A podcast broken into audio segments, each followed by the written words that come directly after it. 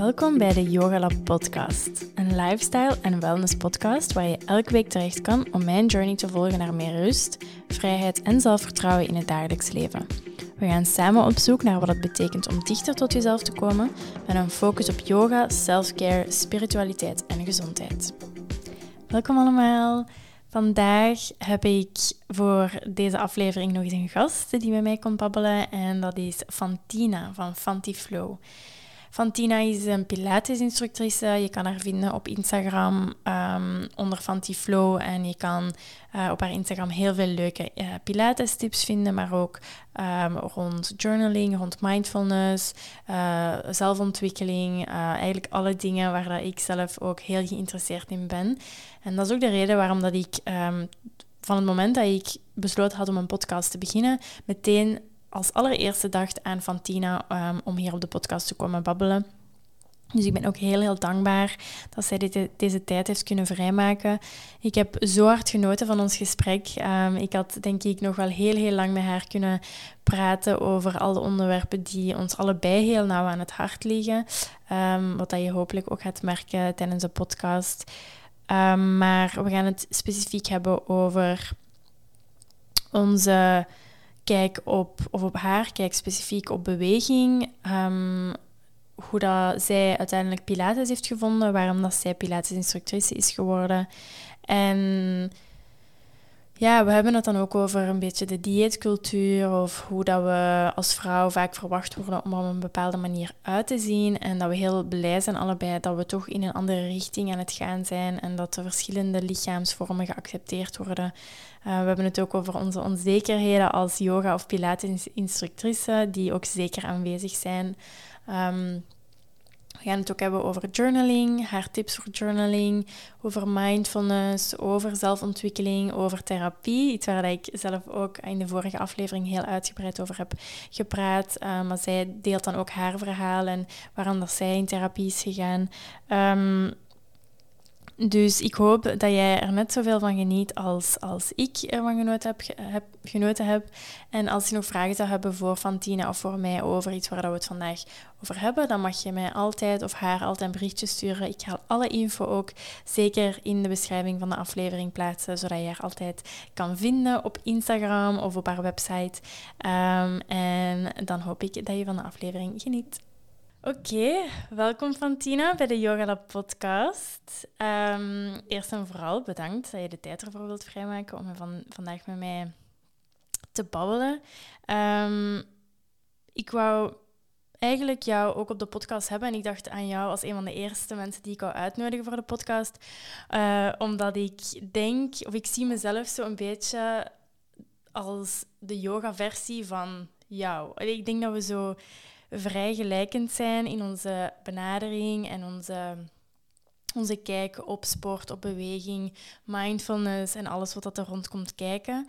Um, maar voor we daar echt aan beginnen en voordat we gaan praten over al die dingen waar we het allebei graag over hebben, um, kan je misschien even een moment nemen om jezelf voor te stellen. Dus wie dat je bent, wat dat je doet um, en ja, welke wat dat er eigenlijk centraal staat in jouw benadering, um, in alles wat dat je doet. Amai, wat een intro, Lauren. Dank je. Mijn complimenten. uh, ja, ik wil sowieso ook uh, u bedanken dat ik hier uh, aanwezig mag zijn. Het is ehm, mijn eerste podcast waar ik ooit aanwezig op mag zijn, dus dat is toch wel speciaal.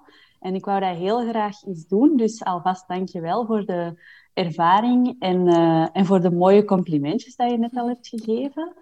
Um, ja, ik denk, in, wij hebben er sowieso al wel wat gebabbeld, ook via Instagram DM en zo, dat wij heel gelijkaardige visies hebben. Dus het is heel fijn dat we daar vandaag nog wat verder samen over kunnen praten. Um, en ah ja, ik moest mij voorstellen. um, dus ja, voor, uh, voor wie mij nog niet kent, mijn naam is Fantina. Uh, ik woon in Antwerpen en ik heb nu toevallig deze week, één jaar geleden, uh, mijn Instagram-profiel Fantiflow aangemaakt. Um, waarbij het eigenlijk mijn doel is om uh, zoveel mogelijk vrouwen te bereiken en um, te doen ontdekken dat bewegen en voor jezelf zorgen dat dat gewoon leuk kan zijn. En ik wil echt zoveel mogelijk mensen ervan overtuigen van eigenlijk het plezier van beweging en van uh, zelfzorg. Zelf ben ik uh, Pilates-instructrice. Dus dat ben ik um, wel al vijf jaar. Maar het is echt het laatste jaar dat ik me echt veel meer heb gefocust op dat naar buiten brengen. En um, ik heb bijvoorbeeld ook online programma's dat mensen kunnen volgen, omdat ik weet dat er heel veel vrouwen zijn die, um, die het niet altijd makkelijk vinden om naar een studio te gaan of op verplaatsing te gaan sporten omdat ze bijvoorbeeld niet zo graag bekeken worden of zo. En dat is daarom ook dat ik mij uh, vooral op dit moment op het online gedeelte focus, zodat mensen die het wat moeilijk hebben met beweging of niet, um, niet weten hoe dat ze moeten beginnen, dat die heel, heel, um, hoe zeg je dat, um, op een hele uh, rustige manier eigenlijk van thuis uit kunnen starten. Daarnaast heb ik inderdaad ook een heel grote interesse in andere zaken, zoals uh, mindfulness, journalen, omdat ik uh, er ook heel hard van ben overtuigd dat het mentale en het fysieke hand in hand gaan en dat dat uh, geen apart gegeven is. Dus mm. dat is in het kort wie ik ben en wat ik doe. Oké, dank je. Heel mooi. Um, ja, je hebt het nu zelf al gezegd, dus je bent nu ongeveer al een jaar, denk ik, met Fantiflow bezig. En ik had ook gezien dat je nu onlangs de overstap hebt gezet van het bijberoep naar hoofdberoep. Iets waar ik ook heel graag um, naartoe werk in de toekomst. En daar wil ik het straks ook wel even over hebben. Um, maar kan je mij misschien even vertellen over hoe dat Pilates dan specifiek in jouw leven is gekomen. Omdat ik persoonlijk ook weet, bijvoorbeeld het moment dat ik yoga heb leren kennen, dat dat mijn leven helemaal heeft veranderd. En ook mijn kijk naar sport en mijn kijk naar bewegen. Um, en ik denk dat dat bij jou ook misschien um, toch ook zo'n impact heeft gehad. Want anders dan ga je er niet uh, een leerkracht van worden. Um, dus als je daar even wat misschien meer over kan vertellen. Ja, graag. Pilates heeft inderdaad een hele grote impact gemaakt uh, op mijn leven en hoe dat ik bewegen zie. Uh, ik heb niet altijd zo'n hele goede band gehad met, met bewegen of een heel goede relatie. Ik was als kind altijd wel redelijk sportief, dat zeker wel. Maar uh, dan kwam ik op een gegeven moment in de puberteit. En ja, zoals iedereen wel weet, je lichaam verandert in de puberteit. Ik ben ook... Um, ik was puber en tiener in de periode dat um, je vooral heel, heel, heel veel, heel, heel, heel slanke vrouwen zag uh, in de boekjes en op tv. Ik denk, als je dat vergelijkt met nu, dat, wat je te zien krijgt als jong meisje, nog altijd misschien niet ideaal is, maar dat je wel een veel grotere verscheidenheid aan lichamen ziet. Uh, dat was toen absoluut niet het geval. Size Zero was echt um, bijna het enige wat je te zien kreeg. En als jong meisje heeft dat een heel grote invloed op je zelfbeeld. Uh, want op zich was ik eigenlijk slank, allee, een, een heel modaal uh, gewicht had ik, niks, uh, niks extreem of zo. En toch, door die beelden voelde ik mij um, toch altijd nog te zwaar of te vol. Of er kwamen ineens vormen die ik ervoor niet had, waar ik heel moeilijk mee om kon. En um, ik ben toen inderdaad begonnen met, naar de fitness te gaan en te bewegen en allerlei dingen uit te proberen om maar te kunnen voldoen aan een of ander idee dat ik had uh, in, mijn, in mijn hoofd, waar ik aan zou moeten voldoen. En um, uiteindelijk, moet ik dat zeggen, uh, wat ik ook deed, eigenlijk zelfs als ik, als ik nu foto's zou zien van hoe ik er toen uitzag, um, was er helemaal niks, niks verkeerd uh, met hoe dat ik eruit zag. Allee, er is niks verkeerd met hoe dat niemand eruit ziet, vind ik. Maar ik bedoel, er was helemaal niks om mij, om mij zorgen over te maken. Maar het was vooral dat mentale aspect dat ervoor zorgde dat ik mij helemaal niet fijn en niet goed in mijn vel voelde. En dat is zo een paar jaar um, doorgegaan, van mij altijd onzeker voelen en heel tijd in gewicht schommelen. Um, want dan voelde ik mij ook super schuldig als ik even niet meer bewoog of, of niet meer sportte, waardoor dat ik het dan ineens helemaal opgaf. Uh, en dan heb ik eigenlijk heel toevallig via YouTube ehm, video's gevonden van Blogilates, heet ze. Ja, die kennen we allemaal, ehm, denk ik wel. ja, die is heel bekend nu ondertussen, want die is al, denk ik, meer dan tien jaar geleden of zo dat ik dat dan heb ontdekt. Uh, maar nu, ik denk dat hij op Instagram ook meer dan uh, een miljoen volgers heeft of zo. Uh, ze ziet er nu ook wel helemaal anders uit dan in het begin. Um, maar ja, ik ben dan via haar eigenlijk in contact gekomen met Pilates. En wat ik zo super fijn vond aan haar lessen, is um, ja, ook het feit dat het eigenlijk iets was wat je zo tussendoor van thuis uit kon doen. Maar ook, zij zag er op dat moment uh, helemaal niet uit zoals de typische fitness-influencers of zo de size zero. Zij had een heel um, normaal, uh, modaal maatje. En uh, zij was wel echt supersterk. Zij kon een half uur van alles zitten vertellen over weet ik veel wat allemaal. En tegelijkertijd echt de zotste oefeningen doen. En ik werd toen op dat moment eigenlijk heel hard geïnspireerd door haar kracht en uh, hoe sterk dat zij was en haar um, doorzettingsvermogen. En dat heeft zo bij mij toen een zaadje beginnen planten. Omdat ik door van, ah, oké, ja, er zijn ook andere redenen dat je kunt gaan bewegen, dat je kunt gaan sporten, die er niet mee te maken hebben hoe dat je eruit ziet. Um, en dan ben ik zo begonnen met haar, met haar workouts. En ik voelde zelf ook van dat ik uh, daardoor gewoon sterker werd, uh, fitter werd. En uh, het heeft op den duur geholpen dat mijn zelfvertrouwen ook een boost kreeg. Gewoon omdat als je sterker voelt en als je meer in je kracht komt te staan, ja, dat doet gewoon heel, heel veel.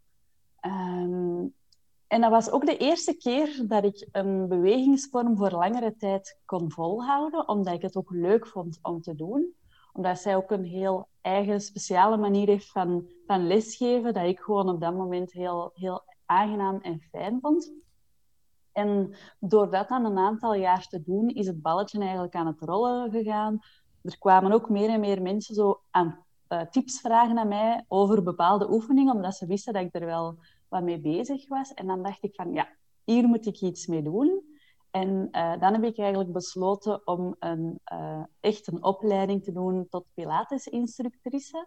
Ik heb dat in, uh, in Antwerpen gedaan bij Pilates Works. Dat was wel eventjes iets helemaal anders dan ehm, de Pilates van, van Blogilates, van Cassie Hodan.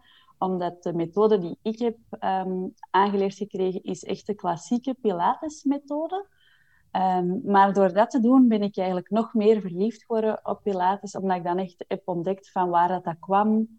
Um, en ja, ik vind dat heel fijn om, als je zelf teacher bent, om zo heel veel verschillende dingen te leren, verschillende invloeden te krijgen, omdat je zo ook echt je eigen stijl van, um, van lesgeven ontwikkelt. Dus dat is zo in het kort uh, hoe dat ik uh, bij Pilates ben terechtgekomen.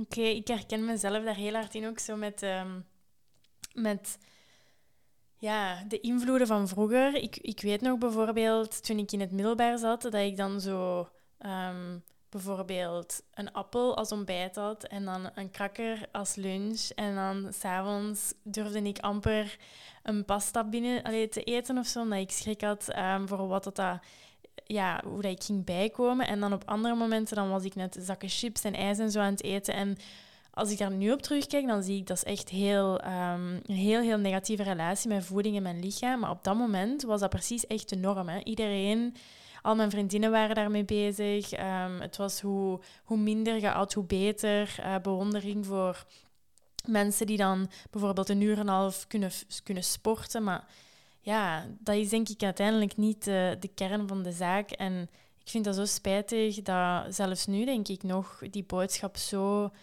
aanwezig is in onze samenleving. Gelukkig met mensen zoals jij en, en, en anderen die dan toch proberen die, die tegenovergestelde boodschap een beetje te benadrukken en mee te geven dat er toch een beetje een shift aan het komen is in, in, die, in die obsessie met ons gewicht en ons lichaam.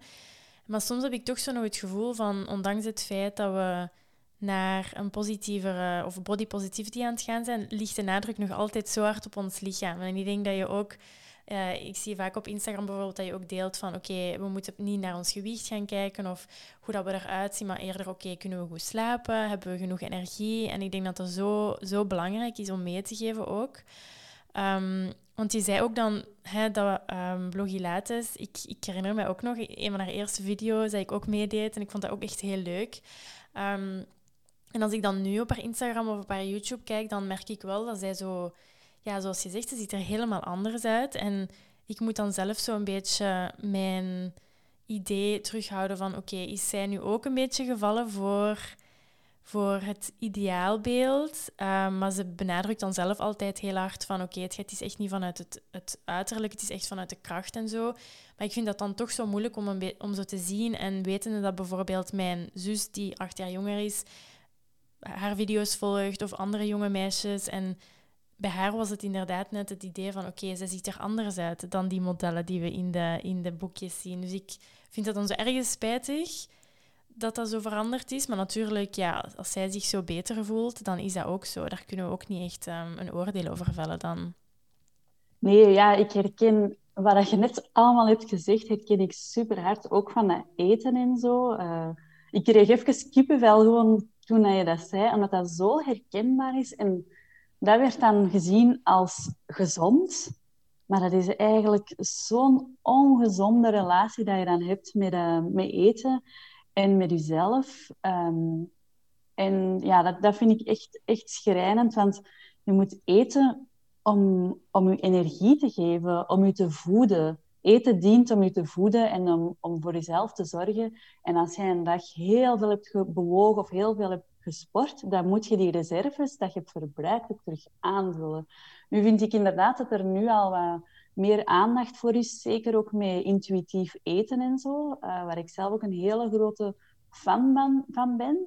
Um, ik denk ook bijvoorbeeld dat het helemaal niet erg is dat je gewicht een beetje schommelt, want dat is gewoon de natuur. Allee, in de winter ben ik meestal ook wel een beetje zwaarder dan in de zomer, omdat je lichaam is dan natuurlijk wat reserves aanhoudt of zo.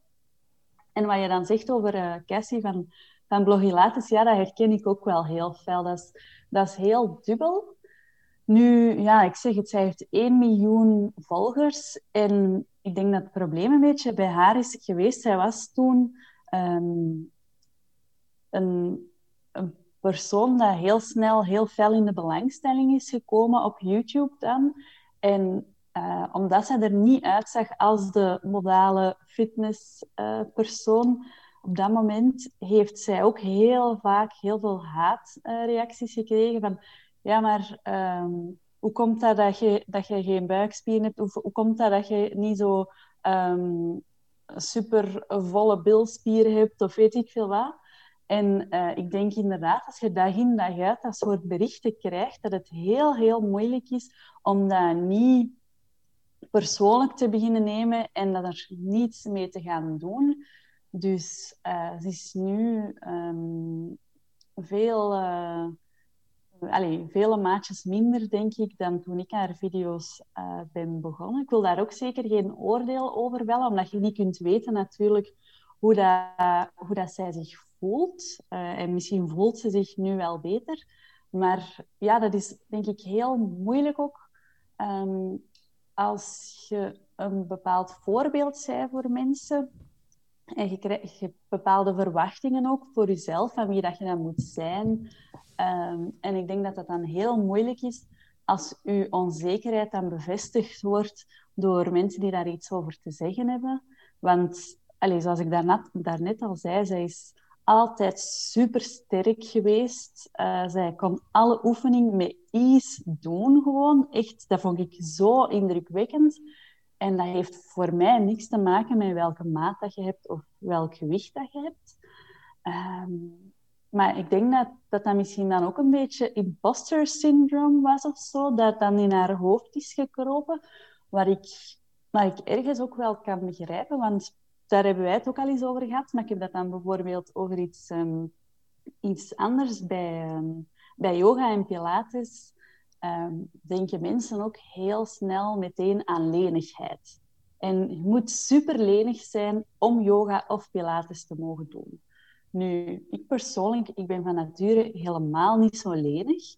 Uh, ik kan helemaal niet dubbel plooien of uh, mijn, uh, ik kan geen splits doen of dat soort oefeningen. Mijn lichaam is daar gewoon niet voor gebouwd.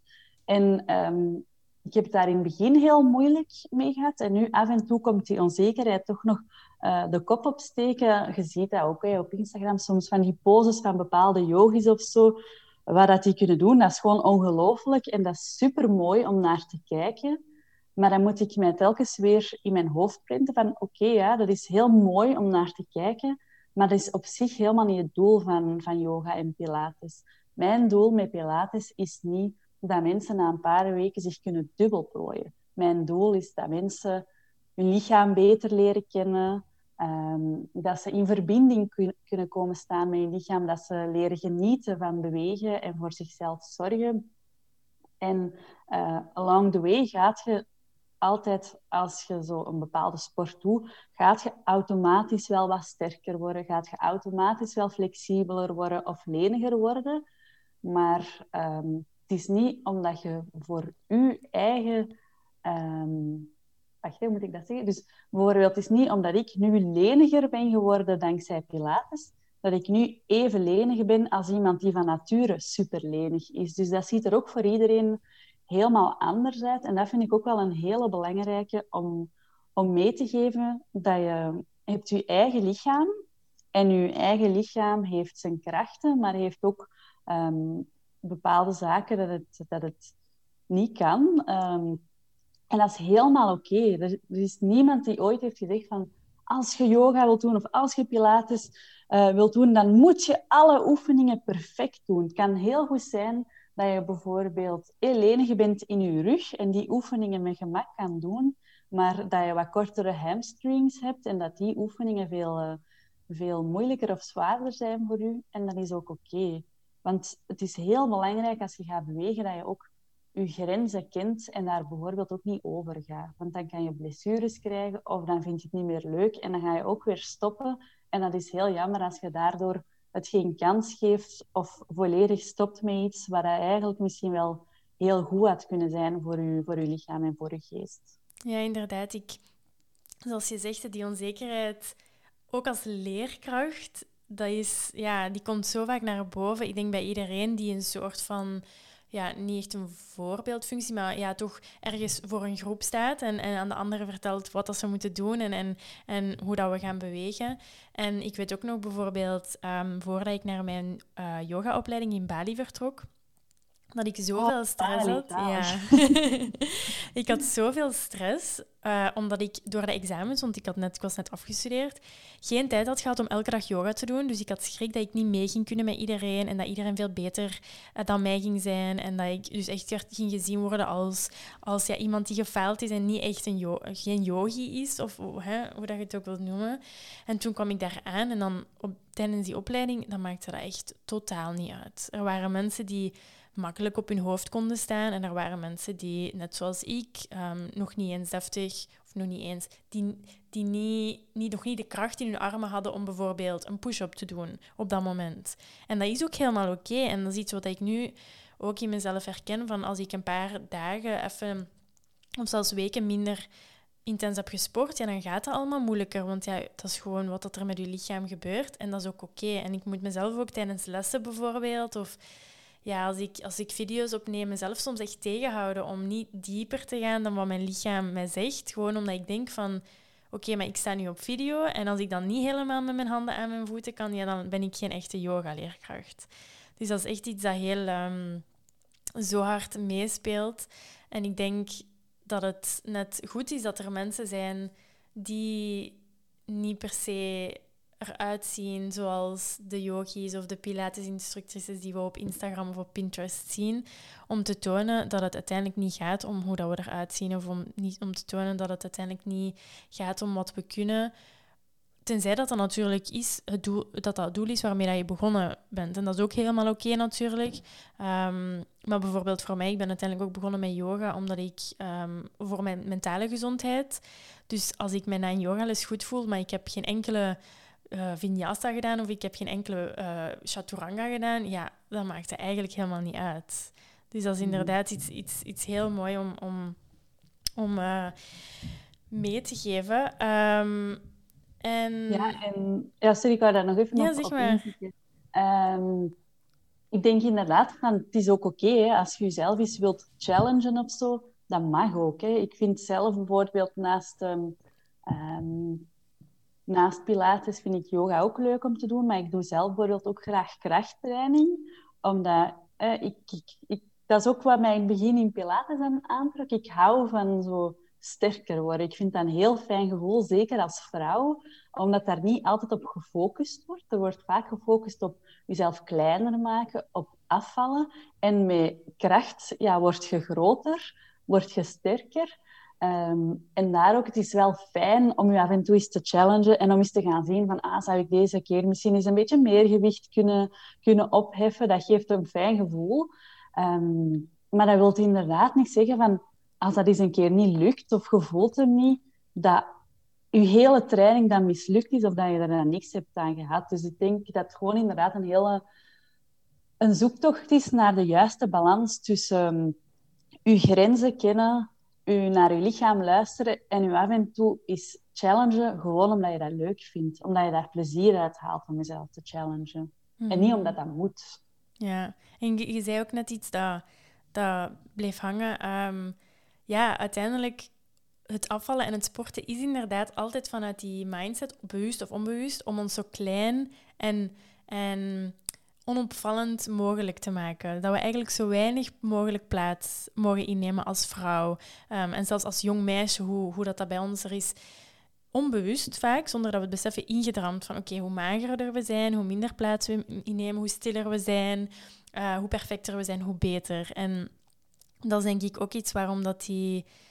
Ik vind Pilates uiteindelijk ook echt een heel, een heel toffe manier om mij op een andere manier um, uit te dagen dan yoga. Want ik denk elke sport gaat uiteindelijk je spieren op een andere manier gebruiken. Dus ik merk bijvoorbeeld dat ik misschien heel makkelijk uh, een vinyasa kan doen, maar als ik dan uh, een bepaalde pilatesoefening moet doen, dan is dat weer heel moeilijk voor mij bijvoorbeeld. Um, maar ik vind het inderdaad fijn dat je zei van dat het misschien niet meer moet om ons allemaal zo klein te houden en om, en om ons best te doen om er zo perfect mogelijk uit te zien, zodat we voor de buitenwereld zijn wie dat, er, wie dat we verwacht worden te zijn. Mhm. Dus ja, dat is um, een besef dat bij mij ook de voorbije maanden, denk ik, veel sterker um, naar boven is gekomen. Ik zag ook dat je het boek Untamed van Glennon Doyle had gelezen, dat dat een van de favorieten van vorig jaar was. Ja, ja. Dat is denk ik een boek dat iedereen moet gaan lezen. Ja, en dat komt daar ook heel fel in, in naar boven. Hè, waar, ik nu, uh, allee, waar dat we nu over bezig zijn, mm. van jezelf klein willen houden. En dat, dat is op fysiek vlak zo, maar zeker inderdaad ook op mentaal vlak en op uh, hoe dat je in de wereld zit en hoe dat je als vrouw inderdaad um, lief moet zijn en zacht moet zijn en niet te veel je mening um, mocht uitdragen, omdat je dan al in een bepaald hokje wordt, wordt geplaatst mm. of zo. En het is zeker, ja, ik zeg het, ik vind het een aanrader voor iedereen om het boek te lezen. Eh, ik denk dat, dat het is misschien in het begin kan het zo een klein beetje Amerikaans overkomen, want het is door een, eh, een Amerikaanse vrouw geschreven. Maar als je daar voorbij kunt, dan is het echt zo waardevol wat, er, allemaal in zijn. Er komen ook heel veel verschillende thema's in aan bod.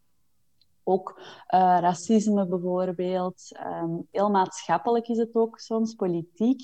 Maar in de kern gaat het echt over uzelf mogen zijn en uw plekje mogen innemen in deze wereld. En dat vind ik echt heel, heel mooi en een hele mooie boodschap ook dat ze mhm. daarmee uitdraagt. Ja, dat is ook, uh, ik moest ook denken aan onze coaching. Uh, we zitten alle, wij zaten vorig jaar ook allebei bij uh, Amy, Fast Forward Amy in de coaching. En ik denk dat dat voor mij ook zo'n beetje die trigger is geweest. Amy die dan zei van... Uiteindelijk met een groep vol met vrouwen van... We zijn hier om onze plaats in te nemen. En er zijn mensen die uiteindelijk uw diensten willen kopen of, of bij u hè, um, willen komen. En dat is zo, ik denk dat dat ook uiteindelijk een reden is waarom zoveel vrouwen zich um, een beetje zichzelf tegenhouden om te gaan ondernemen of om die stap te gaan zetten om uiteindelijk voor hun droomcarrière tussen aanhalingstekens te gaan. Dat hoeft niet per se ondernemen zijn, maar ik weet nog, ehm, ik had het geluk natuurlijk dat mijn ouders um, allebei ook hè, zelfstandigen zijn en die, die zitten in die wereld, mijn grootouders ook. En dus bij mij was er die steun echt van oké, we zijn er voor u, we geloven in u, je kunt dat. Uh, maar ik denk dat dat niet altijd het geval is. Dat dat zo ondersteund wordt om zo een, eigenlijk een heel uh, risicovolle stap te nemen. Zeker dan nog als het dan gaat om zoiets als yoga of pilates, waar het dan lijkt van oké, gaat je een yoga-leerkracht worden? Hm, dat vind ik toch maar uh, een rare keuze. Dat heb ik dan ook al een paar keer gehoord. Um, en ik wou het ook nog eens hebben over een Instagram-post van u die bij mij ook heel veel um, naar boven heeft gebracht. Ik denk dat het al een, van een tijd geleden was, um, maar die ik toen ook toch heb opgeslaan. En um, dat was een post waarin dat je zei van... Dat je had opgeschreven, denk ik, in je journal dat je altijd het gevoel had dat je aan het wachten was tot het moment om, dat het echte leven kon beginnen. En dat, het altijd het, dat je altijd het gevoel had dat je je aan het klaarmaken was voor de dag dat je eindelijk echt ja, ten volste kon gaan leven. En ik herken de en ik herken me daar zelf nog altijd heel hard in. Zo alsof dat we altijd op weg zijn naar iets. De, dat we altijd op zoek zijn naar het volgende, de volgende stap. En ik vraag me af of dat je ondertussen het gevoel hebt dat je daar al dat je iets makkelijker um, in het hier en nu kan leven, of dat er bepaalde dingen zijn die, je daar, die jou helpen om niet constant in, die, in dat gedachtepatroon te hervallen. Ik weet dat je ook een mindfulness cursus hebt gevolgd en dat je daar ook uh, heel hard mee bezig bent. Dus als je daar misschien um, ja, wat verder over wilt vertellen. Ja, um, ja, ik had dat toen inderdaad neergeschreven in mijn journal. En en gedeeld. En ik vond het toen opvallend hoeveel mensen zich daarin herkenden. Want je denkt vaak van alles en je denkt heel vaak dat je alleen bent met die gedachten.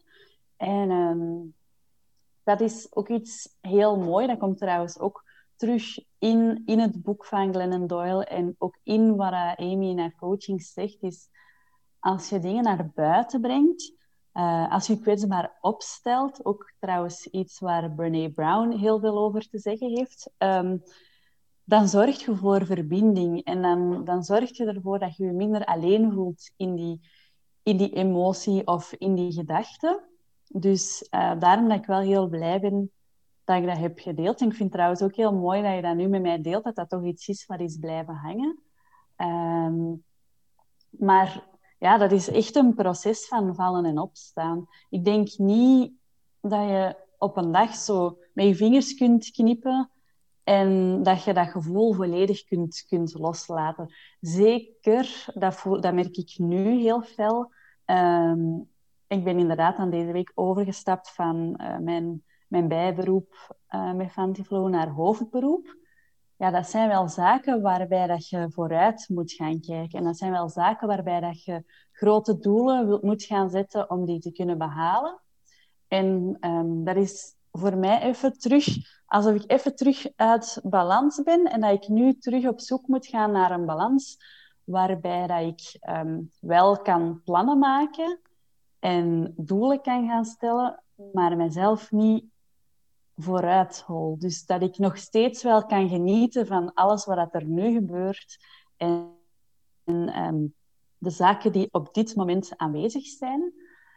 Um, en ja, ik heb daar inderdaad een paar tactieken of tools voor, omdat je hebt dat nodig omdat je gaat heel, heel snel uit automatisme eigenlijk al denken aan het volgende. En ik heb dat nog nodig om een doel te behalen. Of ik heb dat nodig en dan pas ben ik gelukkig. Of dat is gewoon een automatisch uh, proces dat je brein maakt. En ik denk ook de reden misschien dat we als mens zo fel zijn geëvolueerd omdat je, dat we heel als, als ras of zo heel vooruitziend zijn en telkens stappen naar voren zetten. Dus dat is ergens wel iets moois. Um, maar de schoonheid schuilt ook zo fel in wat er nu aanwezig is, wat er nu aan het gebeuren is. Bijvoorbeeld hè, tijdens, tijdens een gesprek zoals nu, als je misschien op restaurant zou zitten met een vriendin of op café en je hebt je gsm dan naast je ligt en heel tijd aan het opflikkeren is, dat haalt je wel uit het moment. Dus bijvoorbeeld nu, omdat ik wist dat we met twee een gesprek gingen houden, dan zet ik al op voorhand mijn gsm op vliegtuigmodus, zodat ik weet, dat gaat mij al niet kunnen afleiden.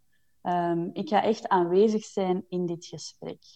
Daarnaast heb ik inderdaad een mindfulness cursus gedaan van acht weken, waarbij dat je allerlei oefeningen aangereikt uh, krijgt om um, ja, bepaalde meditatieoefeningen, maar ook oefeningen dat je doorheen de dag kan doen om je bewuster te zijn van wat er nu aanwezig is. En dat helpt wel om dat rusteloos gevoel wat te laten zakken. En dan voor mij persoonlijk, een van de dingen die mij het meeste helpt, is uh, journalen. Uh, ik, heb een, ik heb zelf een journal die ik dagelijks gebruik. Ik gebruik dat dagelijks ook om zaken in op te schrijven waar ik dankbaar voor ben, bijvoorbeeld. En dat is eigenlijk een van de tips dat ik meegeef aan mensen die daar net mee beginnen, is om met die dankbaarheden te starten, omdat dat iets heel simpel en iets heel klein is, wat ervoor zorgt dat je, dat je meer in het moment gaat leven en ook meer gaat beseffen dat wat dat er nu al is, al zo mooi is. En dat je niet per se altijd al het volgende moet hebben en dat je dan pas gelukkig kan zijn. Omdat er zoveel schoonheid schuilt in de kleine dingen dat er zijn. En um, dat heeft mij ook geleerd, die dankbaarheden opschrijven bijvoorbeeld, dat de zaken waar ik meestal het meeste dankbaar voor ben, echt, het, het klinkt cliché, maar het zijn die kleine dingen.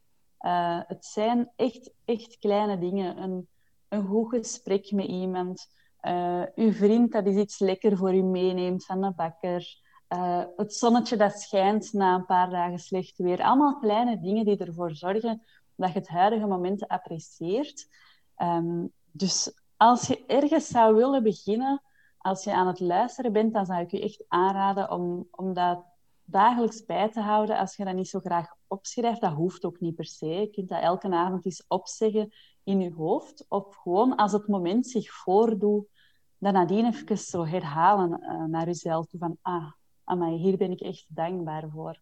En je merkt dat je attitude daar zo hard door verandert, door zoiets heel klein dat je dagelijks eigenlijk gaat opmerken. Het gaat denk ik inderdaad over zo dat rusteloos gevoel loslaten en meer in het moment leven. Dat gaat eigenlijk over aandacht. En aandacht geven voor, um, voor wat dat er nu al is. Um, dus ja, ik zeg het, het is, het is zoeken. Hè. En er gaan altijd dingen gebeuren in je leven dat je even in disbalans kunnen brengen. Uh, dat is ook niet erg, dat is ook maar normaal. Maar als je bepaalde tools hebt en bepaalde oefeningen kunt doen, dan gaat het wel, um, gaan die periodes van rusteloosheid volgens mij ook minder lang duren. Omdat je dan makkelijker terug wat sneller naar die kern kunt gaan. Dus ja, dat is wat ik erover ja. te zeggen heb. Ja, ik, um, ik, moet zelf, ik moet zeggen dat ik zelf um, al heel lang probeer te journalen. Ik denk dat dat iets is wat we altijd horen, net zoals meditatie en al die dingen. Um, van, dat, is, dat is goed uh, om, om je zorgen een beetje los te kunnen laten. Maar het is echt pas sinds november, sinds de tweede lockdown, dat dat iets is. Ik heb denk ik al twee schriftjes volgeschreven in de voorbije zes maanden. Gewoon omdat ik, ja, ik, bij mij was het dan ook, hè, ik kan me inbeelden dat dat bij jou hetzelfde was, hè, dat, je, dat je dan niet meer je hoofdberoep kon uitvoeren. En dan was het ook nog eens moeilijk, oké, bij mij, oké, mijn yogastudio moet toe. En dat was weer die, die disbalans waar je het over hebt. Zoals je nu zegt, ik moet die balans terugvinden nu dat ik in hoofdberoep werk. Dat was bij mij ook van, oké, hoe ga ik mijn leven nu invullen? En bij mij heeft journaling toen zo hard geholpen. En ik ben ook begonnen, zoals je zegt, met gewoon op te schrijven waar ik dankbaar voor ben elke dag. En dan gewoon zoiets als ik echt in een, beetje in een paniekmoment zit, opschrijven, oké, waarom voel ik me zo? Welke stappen kan ik echt praktisch gaan ondernemen om mij beter te gaan voelen? En ik denk dat uiteindelijk de, de kern is van, zoals je zegt, van die aandacht, om die te verplaatsen van van uw hoofd, constant in, in uw hoofd te zijn. Want ik, ik merk soms dat ik een hele dag in mijn hoofd zit en dat ik niet eens zou kunnen zeggen op het einde van de dag of het bewolkt was of niet. Of dat, of er, um, ik weet het niet, of dat er een vogel op het terras heeft gezeten. Of iets wat ik nu bijvoorbeeld veel makkelijker kan zeggen door gewoon even die momenten te nemen om van echt, dat moet maar een minuutje zijn, hè, maar dat je even in je zetel zit voordat je je serie misschien opzet om, om te eten of weet ik veel wat. En dat je dan naar buiten kijkt en zegt oké, en zo zien de wolken eruit. Of dan probeer ik zo figuurtjes te vinden in de wolken om zo precies terug zo die connectie te maken met je omgeving. Hetzelfde met je lichaam. Ik denk, dat komt ook weer terug tot dat eten en tot dat bewegen van hoe vaak dat we niet onszelf een bepaalde dieet of een bepaalde routine opleggen, terwijl dat we dat totaal niet doen vanuit het gevoelsmatige, maar echt vanuit het rationele. En ik ben nu ook bijvoorbeeld, um, ik had gezien dat je daar ook, um, daar wou ik misschien ook nog even hebben, over hebben, het boek van The Period Repair Manual had ik gezien dat je had gelezen.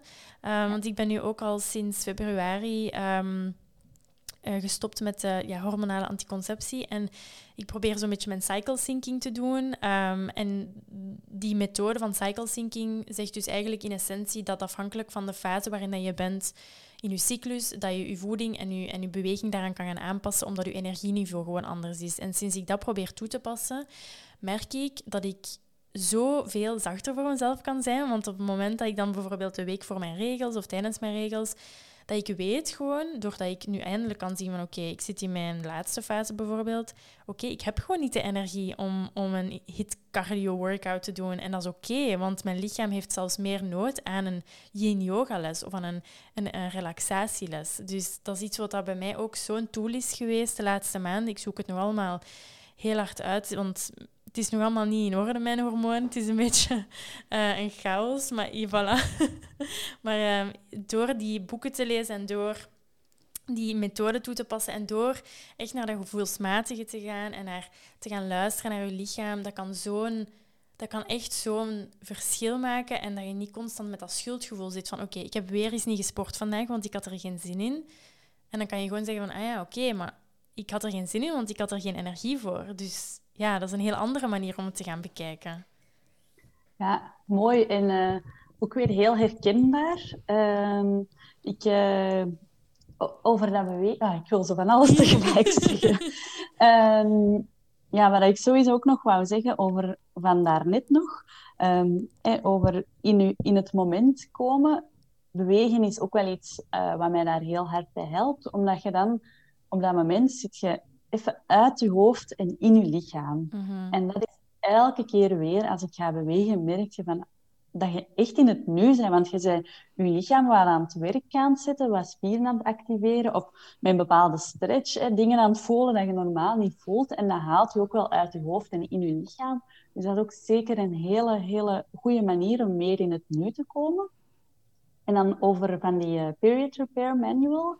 Um, ik ben zelf voorlopig nog niet gestopt met de pil. Ik ben daar heel veel over aan het, aan het lezen, omdat ik pak van mijn 15 jaar al de pil en ik ben nu 30, dus dat is al 15 jaar, wat wel uh, heel intens vind ik. Ik heb wel um, twee of drie jaar geleden ben ik um, een jaar gestopt en had ik zo een, uh, een spiraaltje. En dan um, heb ik heel veel last gekregen van heel veel verschillende symptomen, zoals Ehm, heel veel acne, plots, een opgeblazen gevoel, uh, heel veel vocht ophouden, haaruitval, echt van allerlei dingen dat je liever um, niet hebt. En dan um, hebben de dokters mij eigenlijk gewoon vrij snel terug op de pil gezet, omdat dat bij mij ja, hielp om al die symptomen eigenlijk tegen te gaan. Uh, maar dan na het lezen van die peer-to-peer manual dacht ik van nee, oké, ik... Uh, het is eigenlijk een pleister dat je op de wonden legt, maar je zorgt er niet voor dat wat die symptomen naar boven brengt, dat je die aanpakt. Dus ik heb nu toevallig eigenlijk um, volgende week, uh, maandag, heb ik ook een gesprek um, met um, iemand die daarin gespecialiseerd is. Op Instagram heet ze Hormoa. Dus dat is misschien interessant om te gaan bekijken. en zij gaan mij eigenlijk begeleiden in het uh, stoppen met de pil. Want zij gaat echt kijken naar wat er in, je lichaam allemaal voorkomt. Zij gaat kijken op een holistische manier naar bijvoorbeeld voeding, omdat um, je hormonen en ook Uh, bijvoorbeeld acne kan heel hard getriggerd worden door, door um, tekorten in uw voeding of zaken dat, dat kunnen triggeren. Dus wij gaan daar samen naar kijken. En um, ja, ik kijk er wel naar uit, want ik moet zeggen dat ik heel veel angst had rond dat stoppen met die pil, omdat ik weet hoe fel dat ik er toen op had gereageerd met ermee te stoppen. En dat ik het gevoel wel had van, ik wil dit niet alleen doen, ik wil mij laten begeleiden. Um, omdat ik gewoon denk dat voor sommige dingen is gewoon heel belangrijk om je te laten begeleiden en om het niet alleen te doen. En u te laten begeleiden door iemand die er iets van weet. Um, dus daar ga ik sowieso ook mee starten. En inderdaad, wat je zegt over luisteren naar je energielevels op vlak van beweging is zo, zo, zo belangrijk. En um, je hebt niet altijd hetzelfde energiepeil. Of dat je nu wel de pil pakt of niet. Ik kan me inderdaad voorstellen, als je een tijdje stopt met hormonale conceptie, dat inderdaad je natuurlijke hormonen zorgen ook voor energiepieken en energiedalen. En dat is fijn dat je daar dan op die manier op kunt inspelen. Maar ik denk zelfs, als je het niet doet aan de hand van je cycli, is het gewoon wel heel goed om te gaan luisteren naar die energiepeilen. En um, ik heb onlangs uh, een beetje het omgekeerde gehad. Ik was een dag en ik stuiterde van de energie en ik had superveel energie. En ik had ingepland die dag om een uh, yin-yoga les te doen. En ik doe dat super graag, yin-yoga. Ik vind dat fantastisch.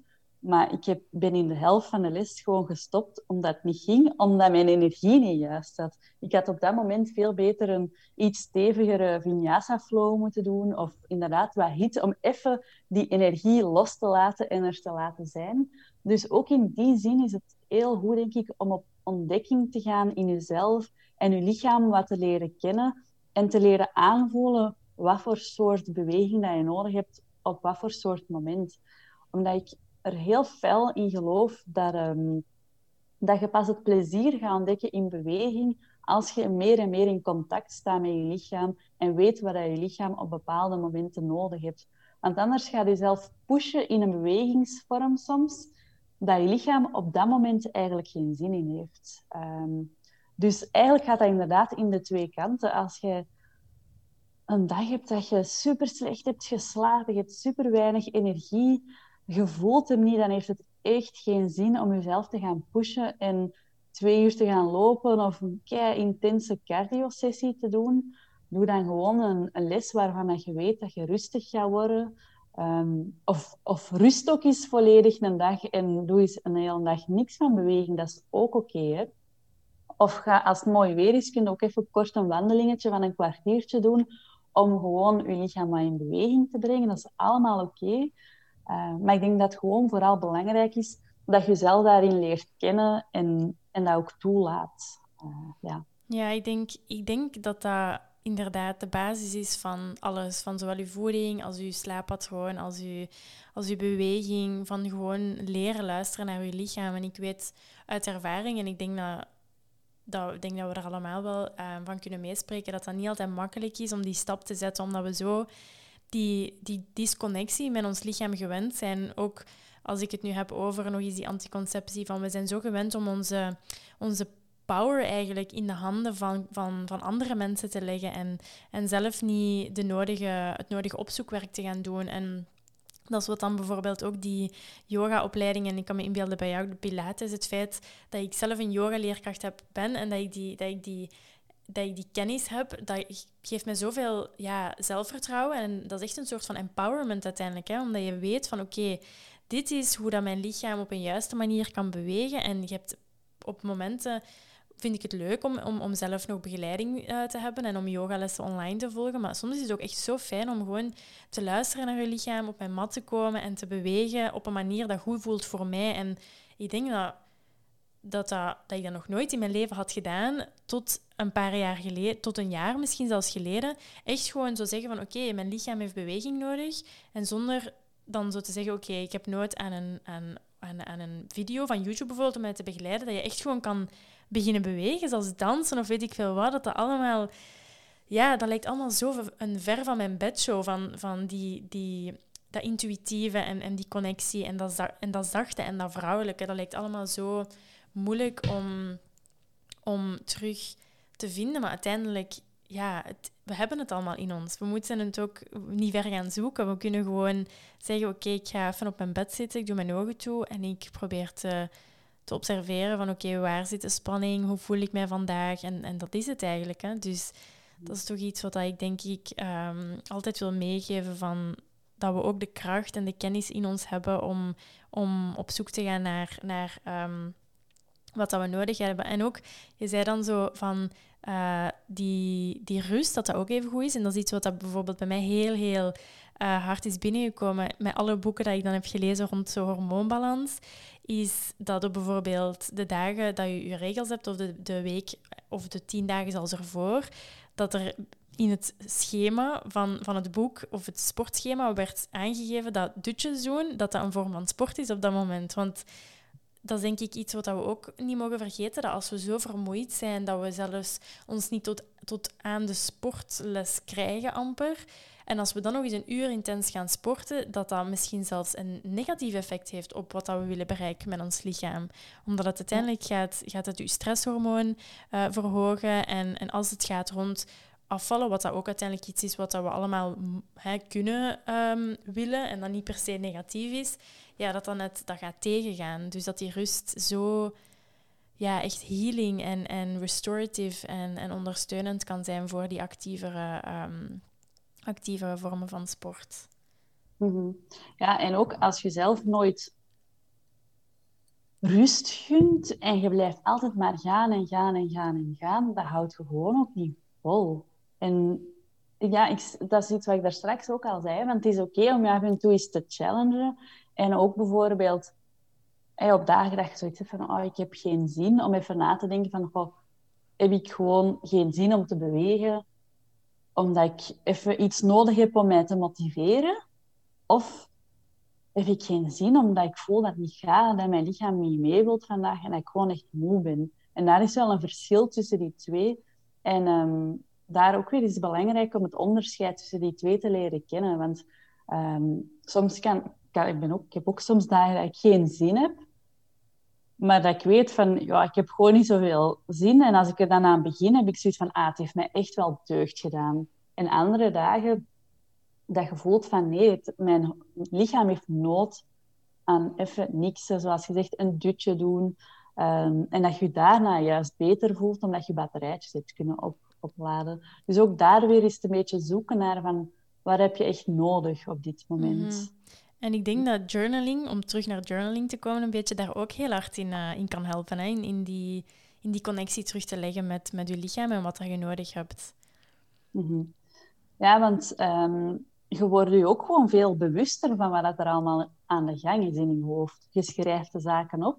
Het staat zwart op wit op papier en je kunt er naar kijken en je kunt daar op inspelen. En, en ehm, bijvoorbeeld als je bepaalde gedachtegangen die telkens weer opnieuw terugkomt, dan gaat je dat ook terugzien op je papier en dan kan je daar iets mee doen. Dat kan iets heel positiefs zijn waar je meer aandacht aan wil geven, of dat kan zijn dat je, dat je merkt dat je bepaalde negatieve gedachten hebt die, die heel regelmatig terugkomen en dan kun je daar ook iets mee aan doen.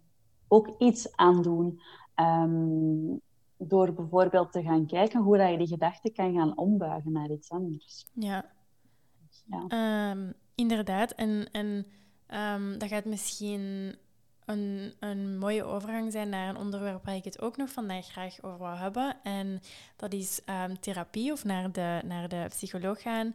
En dat is iets waar ik in mijn vorige podcastaflevering ook heel open over heb gesproken, omdat ik zelf de stap heb durven zetten om een afspraak te maken bij een psycholoog, omdat ik het online had gezien um, bij een bepaalde YouTuber die ik volgde. Uh, en dat zij ook aan het zeggen was wat dat voor haar uh, heeft gedaan. En, en ik denk dat het daarom zo belangrijk is om, om dat onderwerp nog bespreekbaarder te maken en daar zo vaak mogelijk over te praten, zodat de mensen die uiteindelijk voelen dat ze toch ergens die nood hebben om met iemand te gaan praten, dat ze zich dat makkelijker, um, of dat ze makkelijker die stap durven gaan zetten. Dus um, als je misschien, um, ja, als je graag daar even wilt over um, vertellen, over hoe dat, of waarom dat je misschien uiteindelijk de keuze hebt gemaakt om, om, in therapie te gaan en, en um, wat dat jouw ervaring daarmee is geweest tot nu toe. Mhm. Ja, dus in mijn persoonlijke opinie moet gewoon iedereen naar de psycholoog gewoon iedereen. Dat wil niet zeggen dat je een, ik weet niet hoe lang traject moet doen, dan is het maar eens één keer. Maar ja, ik weet niet, je gaat ook elk jaar naar de tandarts om je tanden te laten checken. Mm wat er hier allemaal van binnen gebeurt, is het ook waard om, om, om met iemand die daar kennis over, over heeft, over te gaan babbelen. Dus ik vind het gewoon super belangrijk ehm, om die boodschap ook mee te geven. Ik vind het super belangrijk om daar ook open over te praten. Ik, uh, op Instagram zeg ik er ook af en toe iets over, of als ik net ben geweest of zo, ik deel dat. Want ehm, ja, ik vind niet dat dat nog in de taboesfeer of zo zou, zou moeten hangen, want je deelt andere, je zou misschien wel delen van, ah ja, ik ben naar de tandarts geweest en ik heb pijn uh, aan mijn gebied, maar je zou dat niet delen dat je naar de psycholoog bent geweest. En ik denk dat daar een deel schaamte of zo aan mhm. vasthangt, dat je het niet alleen kunt oplossen. Ehm, of, of dat er iets mis is met je, want uh, waarom zou je anders naar de psycholoog gaan? En ik denk ook, um, ja, bij mij is dat nu al, oh, hoe lang ga ik nu al? We hebben nu bijvoorbeeld mijn traject afgerond, omdat ik mij, omdat ik mij oké voel. Niet wil zeggen dat ik nooit meer naar een psycholoog zou gaan, maar ik voel mij nu even oké en ik voel mij ondersteund en ik heb handvaten en ik heb zo ergens in de back of my head heb ik de stem van mijn psycholoog die mij soms zo toespreekt. Um, maar ja, wat wil ik daar nu over zeggen? Sorry, ik ben even mijn beraad kwijt. Um, ja, ik ben daar gewoon mee gestart, omdat ik voelde mij niet in lijn met mezelf. Ik voelde mij heel vaak leeggezogen met de activiteiten die ik deed. Ik voelde dat ik niet altijd mijn grenzen kon aangeven. En ik voelde dat hoe dat ik um, mij naar buiten bracht en wat ik voelde van binnen, dat dat niet in lijn was.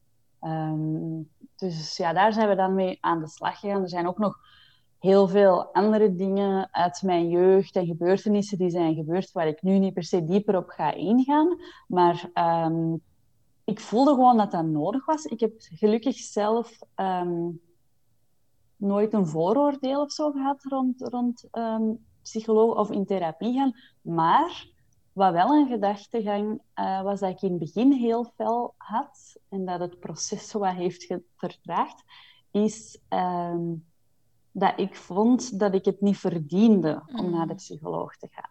Dat het niet erg genoeg was of zo. Ja, ja, mijn problemen zijn niet erg genoeg en andere mensen hun problemen zijn toch veel erger. Waarom ga ik nu met mijn kleine probleempjes naar de psycholoog? Dat had ik heel, heel fel. Ehm, terwijl dat er ook wel dingen zijn gebeurd uh, die daar rechtvaardigen. En zelf al heb je een, een modelleven en een modeljeugd, uh, je bent het waard om die investering in jezelf te maken. En als je je niet goed voelt, voelt je je niet goed. Punt. Meer reden moet er eigenlijk niet zijn om jezelf te laten begeleiden. Um, dat is echt genoeg. Als je je niet goed voelt, dan mag je en dan heb je de toestemming om te gaan praten met iemand. Um, en het helpt je gewoon ten eerste omdat je een heel uur lang ook een uur lang voor jezelf aan het zorgen bent. Je bent een uur lang op zoek aan het gaan naar wat er speelt bij je, um, naar wat gedachtegangen zijn die naar boven komen, uh, wat patronen zijn in je dagelijkse leven die naar boven komen.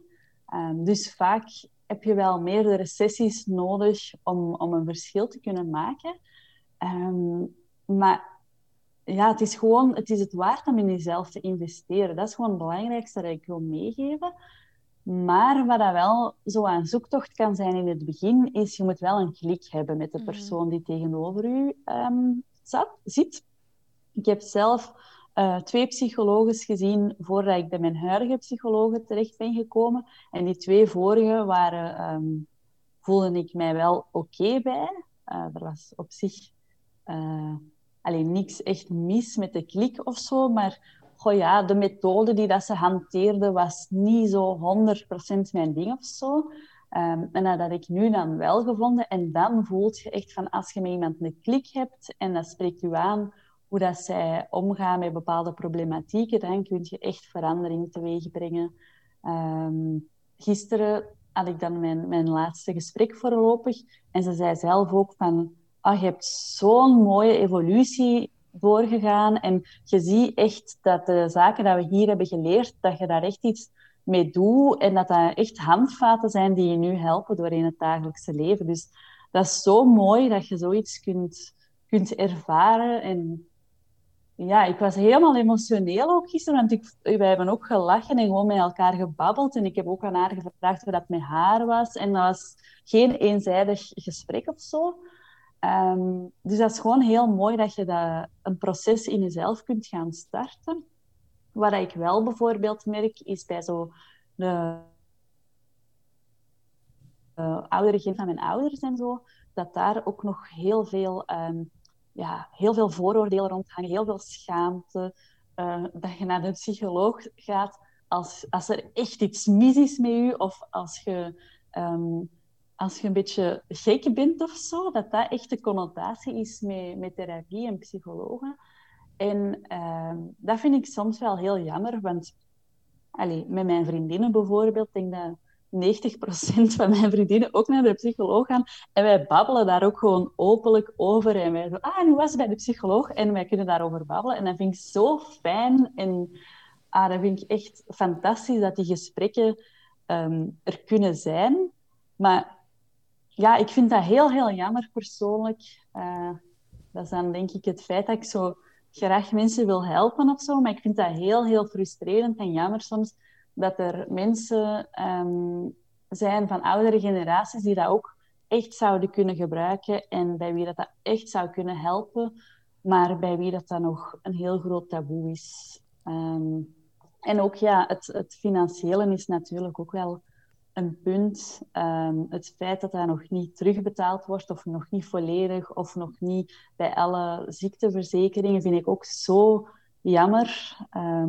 want dat is ook uw gezondheid, zoals ik zeg. De tandarts wordt terugbetaald, maar een sessie bij de therapeuten niet, terwijl beide dragen bij tot uw, tot uw algemene gezondheid. En dat vind ik heel, heel jammer en ik hoop gewoon dat dat iets is waar in de toekomst toe ook verandering in gaat komen.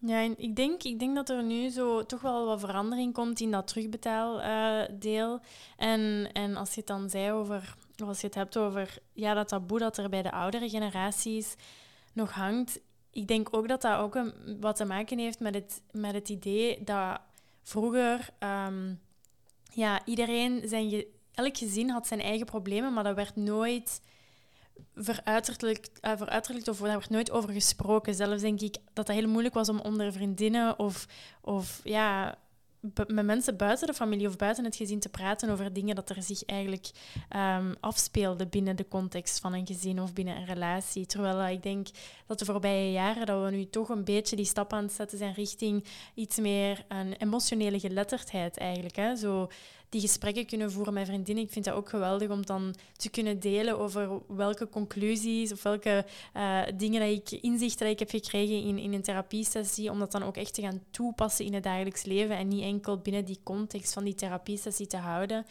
En uiteindelijk mhm. zorgt dat ook voor diepere relaties hè, en betere vriendschappen. Um, ik denk zelfs ook bijvoorbeeld een relatie met mijn vriend, um, door gewoon mezelf beter te leren kennen. Dat gaat allemaal zoveel vlotter. Je gaat zien wat je triggers zijn, uh, welke dingen dat andere mensen doen dat je misschien storen en wetende dat dat uiteindelijk iets is dat binnen u gereflecteerd wordt op hen en dan zij eigenlijk niks doen dat fout is, maar dat het eigenlijk iets is dat bij u, dat u gaat raken. Projecteren. ja, inderdaad. Die projectie dat je eigenlijk maakt. Um, dus ja, ik heb er in de vorige aflevering ook heel uitgebreid over gesproken, maar zoals je zegt, het is het zou zo moeten zijn als een jaarlijkse afspraak bij de tandarts. Um, en ik hoop dat we toch in die richting een beetje aan het gaan zijn. En liefst iets vaker dan jaarlijks. Ja, ja inderdaad. Weet je, zoals je zei, van die, die angst van, of het uitstellen van naar therapie gaan omdat je denkt dat je problemen niet, niet groot genoeg zijn. Dat is ook de reden waarom dat ik uiteindelijk misschien twee, drie jaar heb gewacht om, om die stap te zetten. En nu zelfs nog voel ik soms mij schuldig voor de tijd dat ik inneem bij mijn psycholoog. Dat ik daar een uur zit en dat ik denk van nu heb ik een uur over mezelf gepraat. Zou ik niet eens vragen wat dat, hoe dat met haar gaat of, of wat dat er bij haar, hoe dat zij omgaat met al die, die, die emoties die naar boven komen bij haar klanten bijvoorbeeld. Ehm, dat is ook denk ik vanuit dat idee dat we ja, geen plaats mogen innemen, geen tijd van anderen mogen innemen. Um, en jezelf klein ergens te, te willen houden. Ja, uh, ja nu, inderdaad, gisteren heb ik dat gevraagd, hè, hoe dat met haar ging, omdat we mm. ons, ons project... Aan, allee, project, niet echt een project, maar omdat we onze sessies uh, gingen afsluiten. En uh, wat dat wel fijn is om te zien, is dat je dan ook merkt hoe hard dat hij dat apprecieert. Um, en, en inderdaad, dat je denk ook inderdaad, als je, als je in therapie gaat, dat je ook in je hoofd moet houden, dat zijn ook maar mensen. Mhm. En ook als die je gaan helpen en die, die gebruiken een, een, een zin of een tactiek of zo dat niet helemaal resoneert met hoe dat jij het voelt of hoe dat jij het ziet, denk ik dat het ook heel belangrijk is dat je dat durft te zeggen. Want dat zijn ook maar mensen. En, en als je dat kunt aangeven en dat durft aan te geven, Ehm, dan gaat je nog zoveel um, makkelijker je proces kunnen doorlopen, omdat, omdat zij daar dan ook op kunnen inspelen. Maar dat is denk ik wel moeilijk in het begin, zeker als je iemand bent die het wel lastig heeft met conflict of, of die zaken. Ehm, maar dat is ook een leerproces van, van dat, je, dat het niet eenzijdig hoeft te zijn. Je gaat echt in gesprek met de andere persoon en je gaat op zoek samen naar uh, wat dat u zou kunnen verder helpen. En dat vind ik ook mm. heel mooi gebouwd, eigenlijk ook een band op met iemand. Ehm, ja dat is echt fantastisch. En, ik. en ik vind het ook fijn dat zij bijvoorbeeld een beetje mijn spiegel kan zijn. Zoals ik ben nu ongeveer een jaar in therapie, dat ze kan zeggen van, amai, ik weet nog de eerste sessie dat je iets zei en, en kijk nu naar wat dat je nu zei. Allee, ja, dat zo, zij houdt zo een beetje je je progress bij voor u. Uh, want dat is moeilijk soms om echt terug te kijken en te denken van oké, van waar kom ik nu? En om, om soms moet je jezelf ook een beetje die, dat schouderklopje kunnen geven. Hè? Van kijk wat ik eigenlijk voor mezelf heb gedaan. Ook al is het een uur ja, met iemand gaan praten en is dat niet per se in de buitenwereld iets dat je hebt bereikt, maar dat is uiteindelijk ja, zo'n grote stap dat je weer hebt gezet en, en iets dat je voor jezelf hebt gedaan, iets wat dan niet makkelijk is. Uh, waar komen altijd zoveel dingen naar boven die soms moeilijk te verwerken zijn of moeilijk te accepteren zijn dat dat iets is wat dat je eigenlijk gelooft zonder dat je weet dat je dat gelooft of dat je dat denkt. Um, dat is eigenlijk een cadeau voor jezelf. Hè? Ja, nee, inderdaad. um, misschien nog even een luchtig onderwerp om, om uh, mee af te sluiten. Maar dus, zoals je in het begin van de uh, aflevering zei, heb je nu uh, onlangs, heel onlangs denk ik, de stap gezet naar het hoofdberoep. Dus ik vraag me af, um, je zei zelf wel dat je nog wel op zoek bent naar die, naar die balans, maar wat heeft er uiteindelijk voor gezorgd dat je die, die stap hebt durven zetten? Dat is iets wat... dat ik soms ook um, die vraag krijg van oké, hoe, hoe zet je zo'n stap om voor je passie te gaan en niet per se een bepaald um, ideaal van de samenleving te gaan volgen. Um, dus ja, hoe heb je die stap een beetje durven zetten? Wat zijn de plannen voor de komende maanden? ja. Ja, uh, dat is ook trouwens iets waar mijn psychologe mij heel veel mee heeft geholpen. Dus shout-out naar mijn psycholoog. um, en ook, um, ik heb... Ten eerste heb ik uh, geïnvesteerd in mezelf en, en mijn bedrijf door uh, business coaching te doen. Ik ben gestart bij Amy. Uh, ik ben nu ook een coaching aan het doen van de Hands-On Academy. Ik ben structuurcoaching aan het doen van Elisa van Get It Done. Dus ik wil die ook allemaal even hier vermelden, omdat ze mij allemaal uh, op de een of andere manier hebben uh, bijgedragen tot, uh, tot waar ik nu sta.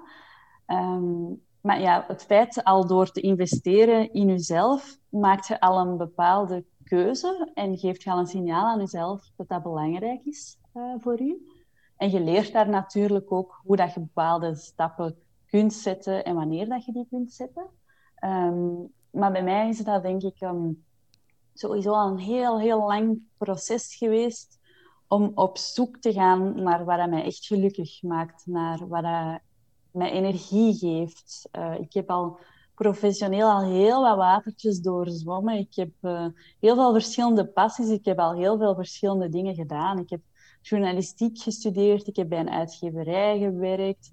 Uh, ik heb dan mijn Pilates-training gedaan. Ik ben, de afgelopen jaren heb ik als kapster gewerkt. Dus ook weer iets helemaal anders. Um, en bij al die dingen voelde ik... het ging wel, maar ik voelde dat er iets niet helemaal klopte. En ja, ik ben dan iemand, ik moet daar naar op zoek gaan. En ik moet dan naar de kern gaan en ik vraag mij dan af wat dat is. En ik kan dat niet wegdrukken en dat gevoel er gewoon laten zijn. Ik ga echt op onderzoek en ik, ik wil daar ook stappen in, in ondernemen. Ik vind zelfontwikkeling ontzettend boeiend en interessant en leuk. Ehm, en eigenlijk, ja, tijdens de, tijdens de vorige lockdown is dan eh, ontstaan. En het is gewoon ongelooflijk hoeveel energie dat, dat mij geeft en hoe, hoe gelukkig ik daarvan word en hoeveel dat ik er ook het gevoel heb dat ik daarvoor terugkrijg. Ook van mensen ehm, die mij vertellen dat ik hun help met bepaalde zaken, um, dat ze vooruitgang boeken. Um, het resultaat van wat ik doe is gewoon ineens veel duidelijker en helderder voor mij. En ik kan echt een connectie opbouwen met andere mensen. En ik vind dat zo, zo, zo waardevol. En de stap um, waar, waar mij ertoe heeft gezet om de stap te zetten, eigenlijk uh, heb ik de stap misschien iets te vroeg gezet. Allee, ze zeggen start before you're ready. Ik weet niet of ik er 100% klaar voor was. Maar gevoelsmatig moest ik ze zetten, omdat ik voelde dat het voor mij niet meer ging in, in mijn hoofdberoep. Um, en ik ben wel iemand, als ik iets doe, wil ik dat echt goed doen. En ik voelde dat dat niet meer ging. En dat is een heel twijfelproces. En er is van alles aan vooraf gegaan. Ook bij mijn psycholoog zijn er veel traantjes gevloeid en is er heel veel over gebabbeld. Maar ik voelde van, probeer het gewoon. Gun het jezelf gewoon om het te proberen. Het geeft je zoveel, je krijgt er zoveel energie van. Ook weer van, je bent het waard om dat te proberen. Um, en ja, ik zeg het, deze week, het is echt zoeken naar, naar, naar balans. De voorbije weken ook. Ik heb er echt wel nog wel wat angst over. Van, gaat dit wel lukken? Uh, komt dat wel goed? Um, ik heb de, het geluk dat ik, dat ik goed ondersteund ben door mijn, door mijn coachings, uh, door mijn partner, door vrienden en familie. Dat ze mij steunen in mijn keuze. Dus dat helpt wel echt.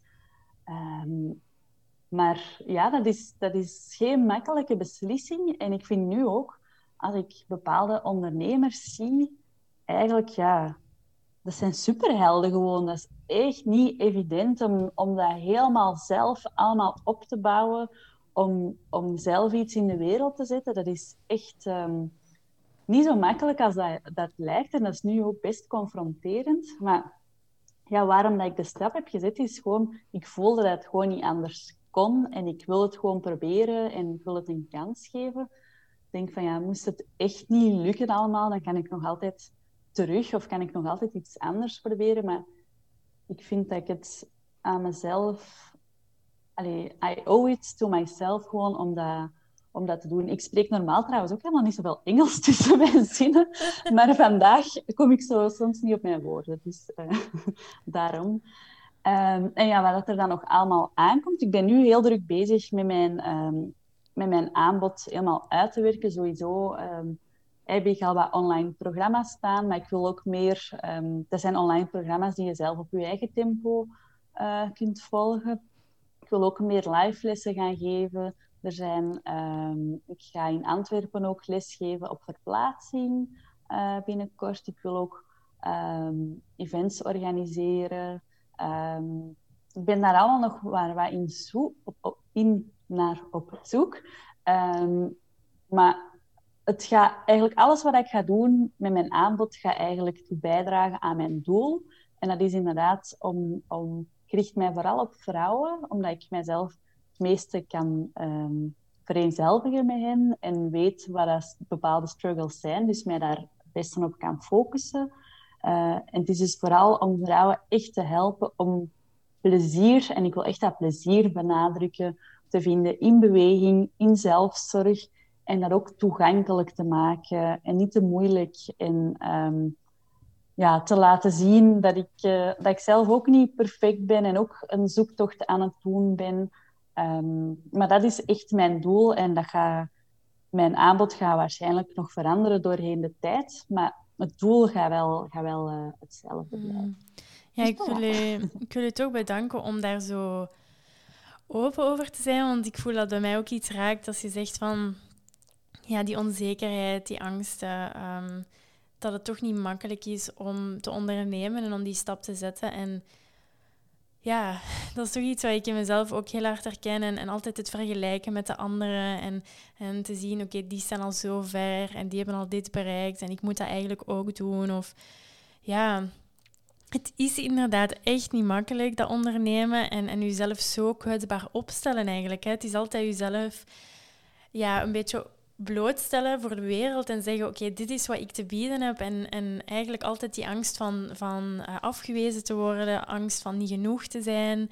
Um, dat, iets, iets, dat is iets wat dat bij het ondernemen eigenlijk bijna dagelijks in het begin zeker naar boven komt. Ik weet nog die eerste maanden van de Business Freedom Elevator uh, met Amy dat er echt zoveel emoties naar boven kwamen. Omdat ik ten eerste mezelf totaal niet zag als een ondernemer. Totdat ik die stap zette, dacht ik van oké, ik ben gewoon een yogaleerkracht. En een ondernemer, ja, dat is iemand met een start-up en een techbedrijf. En ik zag dat zo echt. Um, dus... En ook een ondernemer is, is je hebt er ook bepaalde assumpties bij. Dat zijn mensen die alleen maar geïnteresseerd zijn in geld en zo. Ja. Je hebt daar echt zo bepaalde vooroordelen bij. Um, dat eigenlijk niet klopt. Nee, inderdaad. En dat is echt al die limiting beliefs, zoals het dan zegt, één voor één te gaan ten eerste beseffen dat je ze hebt en dan proberen ze te gaan, te gaan uh, ja, doorbreken en, en veranderen. Dus dat is echt heel moeilijk. En ik, en ik wil ook even zeggen dat ik... Ik weet dat je de bevestiging niet nodig hebt waarschijnlijk, maar dat ik, dat ik er 100% van overtuigd ben dat die stap dat dat de juiste stap is als ik zie naar, naar uw Instagram. En uiteindelijk is dat ook maar uh, uw, uw portfolio. Maar toch, ja, als, als, als jij er niet klaar voor bent, dan is niemand er klaar voor, denk ik. Dus ik ben heel benieuwd ook om te zien wat er in de toekomst gaat komen voor Fantiflow. En ik, ik hoop dat we zelf ook eens samen kunnen werken. Ik weet dat we niet in elkaars buurt wonen, maar toch, hè, dat we toch eens iets kunnen gaan realiseren. Want yoga en pilates is uiteindelijk ligt zo dicht bij elkaar. Ehm, maar dus, ja, ik, ik, ik vond het heel, heel fijn om, om, om het voorbije uur en kwartier, zie ik nu al. ik hoop dat ik niet te veel van uw tijd inneem. Um, nee. Uh, om, om over al die dingen te praten. En, en, en er zijn, nog zoveel dingen waar we denk ik over kunnen um, over uitbreiden. Uh, maar voordat we het hier afsluiten, misschien dat je nog kort even alle informatie kan geven waar dat mensen u kunnen vinden. Um, uw Instagram, website, uw, uw, cursussen dat je aanbiedt. Ik weet dat je ook eentje hebt over journaling. Dus ja, dat je dat hier even kunt um, een beetje ja, vertellen. Dank u wel, uh, Lauren, voor uw mooie woorden. Iedereen heeft altijd een beetje bevestiging nodig. En je ziet jezelf ook niet hoe de andere mensen, mensen u zien. En je hebt ook bepaalde angsten dat anderen ook niet zien. Hè? Zoals dat je zegt, van, dat, het, dat het herkenbaar is. Um, daarom dat het ook zo belangrijk is om die zaken te delen. Omdat je dan weet hè, dat je niet alleen bent. Ik vond het ook een super fijn gesprek. Ik ben heel blij... Uh, uh, dat, we, dat we dit hebben gedaan. En uh, het zou heel leuk zijn om inderdaad nog eens te kijken naar de toekomst toe, om eens iets samen te doen. Um, qua uh, waar dat je mij kan vinden. Ja, ik ben zelf het meeste actief op, op Instagram. Dus mijn Instagram-handle is ook gewoon @fantiflow. Ja, ik weet niet, je schrijft dat zoals dat je zegt. Ja, ik zal het ook sowieso linken. Hè? Ja, voilà. En uh, mijn website is gewoon www.fantiflow.com. Ehm, je kan mij ook altijd een mailtje sturen als je ergens vragen over hebt. Dat kan, uh, je kan dat vinden via mijn website en via mijn Instagram. En op dit moment heb ik dus um, um, een aantal uh, online programma's. Die kan je allemaal vinden via, via mijn website, via de shop. Ik heb ook uh, inderdaad, zoals je zei, een cursus over journaling. En ik heb onlangs ook uh, hele mooie journals toegevoegd aan, aan mijn online shop.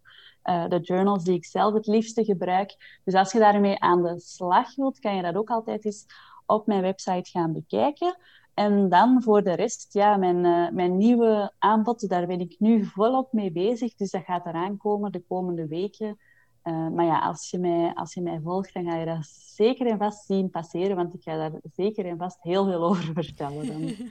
um, dus voilà, ja. Okay. Um, heel erg bedankt dat ik, uh, dat ik vandaag mocht, mocht komen babbelen met jou. Ik vond het super fijn. En um, wie weet, ooit nog in de toekomst nog iets. Hè? Ja, inderdaad. Ik kijk er naar uit.